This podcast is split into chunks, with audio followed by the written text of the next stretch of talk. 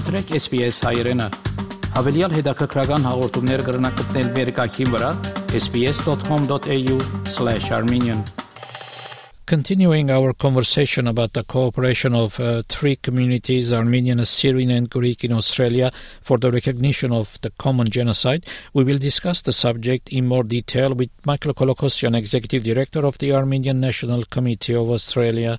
Michael, welcome to SBS Armenian. Thank you. Thanks, Vahe. It's good to join you.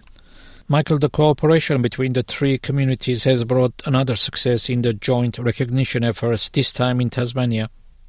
Yeah, the Armenian, Assyrian, and Greek communities have worked together at a federal level, but uh, only recently, uh, earlier this year, uh, with the local Greek community in Tasmania, uh, particularly in Hobart, we launched activities in order to seek uh, Tasmanian recognition of the Armenian, Assyrian, and Greek genocides.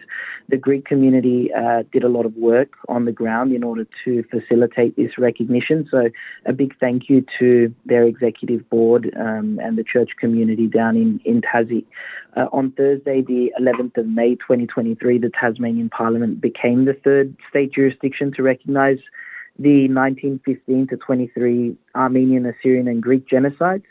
Uh, and representatives uh, speaking on the motion uh, also utilized the opportunity to actually bring awareness to the plight of the Armenians in, in Artsakh. So it was a motion recognizing the genocide, but uh, importantly, it also spoke to the importance of preventing future atrocities. Uh, the motion was spoken to in favour by six members of parliament, all uh, parties that are represented in the Tasmanian House of Assembly spoke, uh, supported the motion. It was uh, unanimously supported, and it was championed by Lara Alexander MP, the member for Bass. Uh, it also had the Premier Jeremy Rockliff, uh, the member for Braddon, uh, Rebecca White, the leader of the opposition and the member for Lyons, Cassy O'Connor, the leader of the Tasmanian Greens and the member for Clark, and Rosalie Woodruff and Dr. Shane Broad, who also spoke in, in support of the motion. So it was a major show of non-partisan support. It was a major show of support for the local Armenian, Assyrian, and Greek communities, and it sent a very strong message to the federal government uh, demonstrating the will of the Australian people. Uh, the motion uh, symbolically adopted and acknowledged the significant humanitarian contribution conducted by the Tasmanian people. The ANC has often spoken about the importance and the unique role the Australian people played federally uh, across the country in assisting victims and supporting victims and survivors of the 1915 Armenian genocide. But this motion symbolically tapped into the Tasmanian relief efforts. Uh, members of parliament who were speaking on the motion spoke about a Tasmanian nurse, Layla Priest, who uh, was volunteering in Alexandropol in, in near Gyumri, uh, assisting over 2,000 Armenian orphans during the genocide. They also spoke about the Congregational Churches of Tasmania, who wrote to the Prime Minister at the time seeking support. So it was a very local motion. Uh, it was a motion honouring the people of Tasmania uh, for all the work that they did during the 1915 genocides. And importantly, this motion uh, came at a significant time, approximately three weeks after the Prime Minister of Australia and the opposition leader uh, Anthony Albanese and Peter Dutton failed to, to accurately characterize the massacres um, that we've been calling a genocide as genocide. In 2023, we've seen now Tasmania recognise the genocide, as well as a record number of Australian parliamentarians, 28 in total, uh, this year from five states across the country and federal parliament, in calling for the Australian government to recognise the genocide.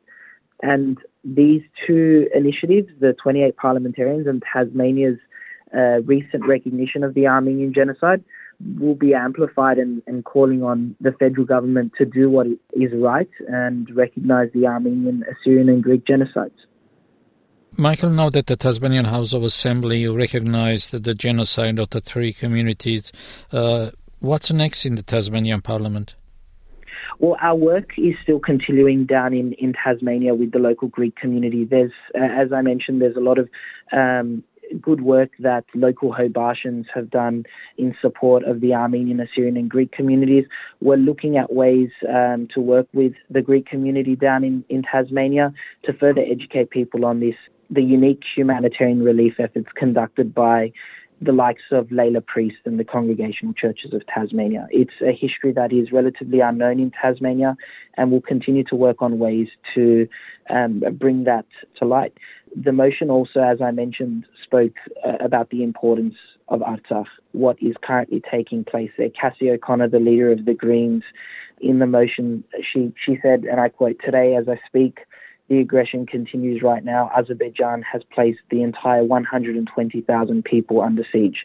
This genocide motion before our parliament today is not simply recognizing the crimes of the past, but is a way to support all people, including the people of Artsakh. So we will continue to utilize this historic step as a way to bring um, the plight of the people of Artsakh to the forefront of Australian um, parliamentarians and, and media.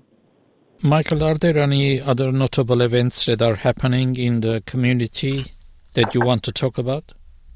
Yeah, um, this week the Armenian National Committee of Australia, the Armenian Relief Society of Australia, uh, Homenetmen Australia, Hamas in Australia, and the Armenian Youth Federation of Australia have organised a public gathering um, welcoming Dr. Andranik Kasparian of the Tufenkian Foundation to discuss uh, the situation that's taking place in Artsakh. The, the discussion topic will be Artsakh, current conditions and future direct directions. It's taking place on the 25th of May, uh, 2023, so in a couple of days at 7:30 p.m. at the Willoughby Uniting Church. Um, Kasparian, uh, we're, we're, we're honoured to have Kasparian here in Sydney, Australia. He uh, prominently led Artsakh's repatriation efforts um, on behalf of the philanthropic Tufenkian Foundation, which was based in New York, um, and he plans to further discuss with our community the current difficulties faced by our compatriots, um, the future directions uh, as they continue under siege for over 160 days in Artsakh. Uh, uh, regarding the Artsakh siege, um, any news or positive movement uh, from the federal government? Uh, we're working with our friends of Artsakh, the one over 100 friends of Artsakh who have uh, who support the rights to self-determination of the people of Artsakh to bring this up um, with the, the federal government again. The ANCAU is meeting with members of, of federal parliament and the Department of Foreign Affairs and Trade over the coming weeks to reiterate the importance and the dire situation that our compatriots are facing, uh, particularly following the illegal checkpoint that has been introduced by Azerbaijan. Our efforts resulted in Senate estimates raising this issue. The Shadow Foreign Affairs Minister, uh, Senator Simon Birmingham, questioning the Foreign Affairs Minister Penny Wong on the situation, and their response was that they will continue to, to look into the issue, they will take it on notice and and uh, see why Australia's position isn't in line with its its international allies. There is another Senate estimates a segment that is approaching at the end of May, uh, which we will be working with members of parliament to uh, utilise as an opportunity to bring further attention to the situation in Artsakh. Michael, thank you for your time and the interview. Uh, we'll talk again on matters concerning the Australian Armenian community. Thank you, Vahe. Our guest was Michael Kolokossian, Executive Director of the Armenian National Committee of Australia։